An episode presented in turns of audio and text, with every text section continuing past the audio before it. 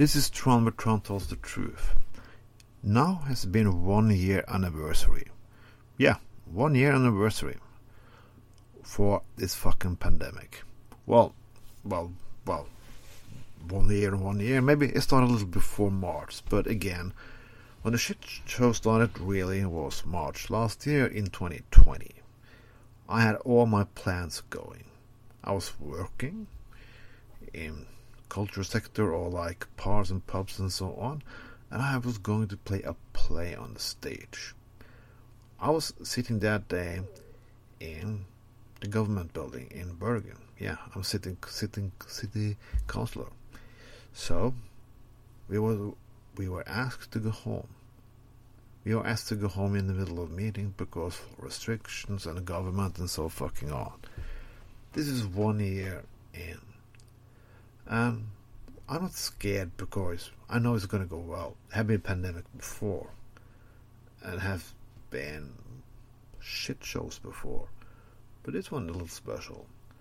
Two people I know has have a mental breakdown because of it.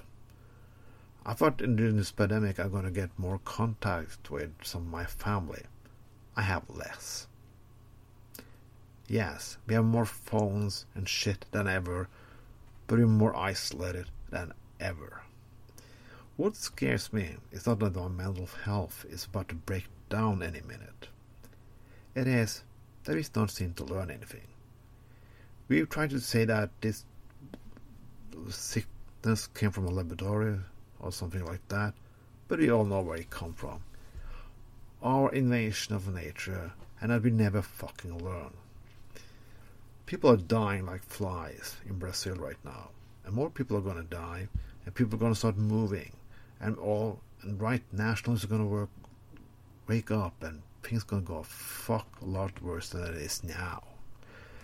And that's climate change. If you haven't learned anything from this crisis when people start to die, how far into the climate change, climate hell will we go before we learn that that was something we had to do about something about? I have no hope for the futures anymore. I just live day by day.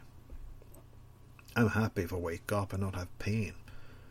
I take all the small happy moments I can get. I check my account just to see that I have enough money. I just go to Facebook to see that anybody gives a shit. I don't know why I do it. I don't have to do it.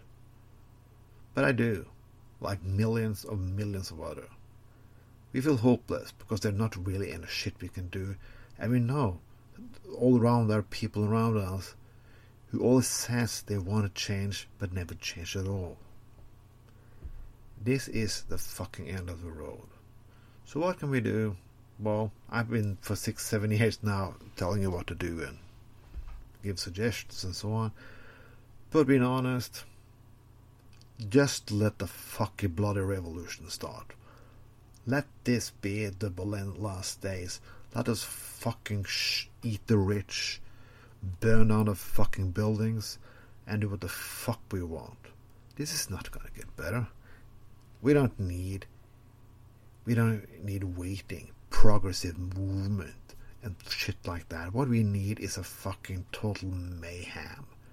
So fucking hard that maybe half of us will die and the rest of the half will learn something.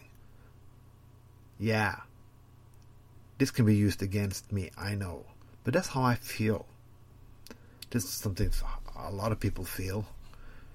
And as those feelings is lying under there, the more passive people get over a longer time, it sometimes bursts out in anger. And at that anger, when it suddenly bursts into flames, we should be worrying about. But nobody are. Or we're talking like we can solve this, but we can't. This was Tron, where Tron tells the truth. Have a nice fucking evening.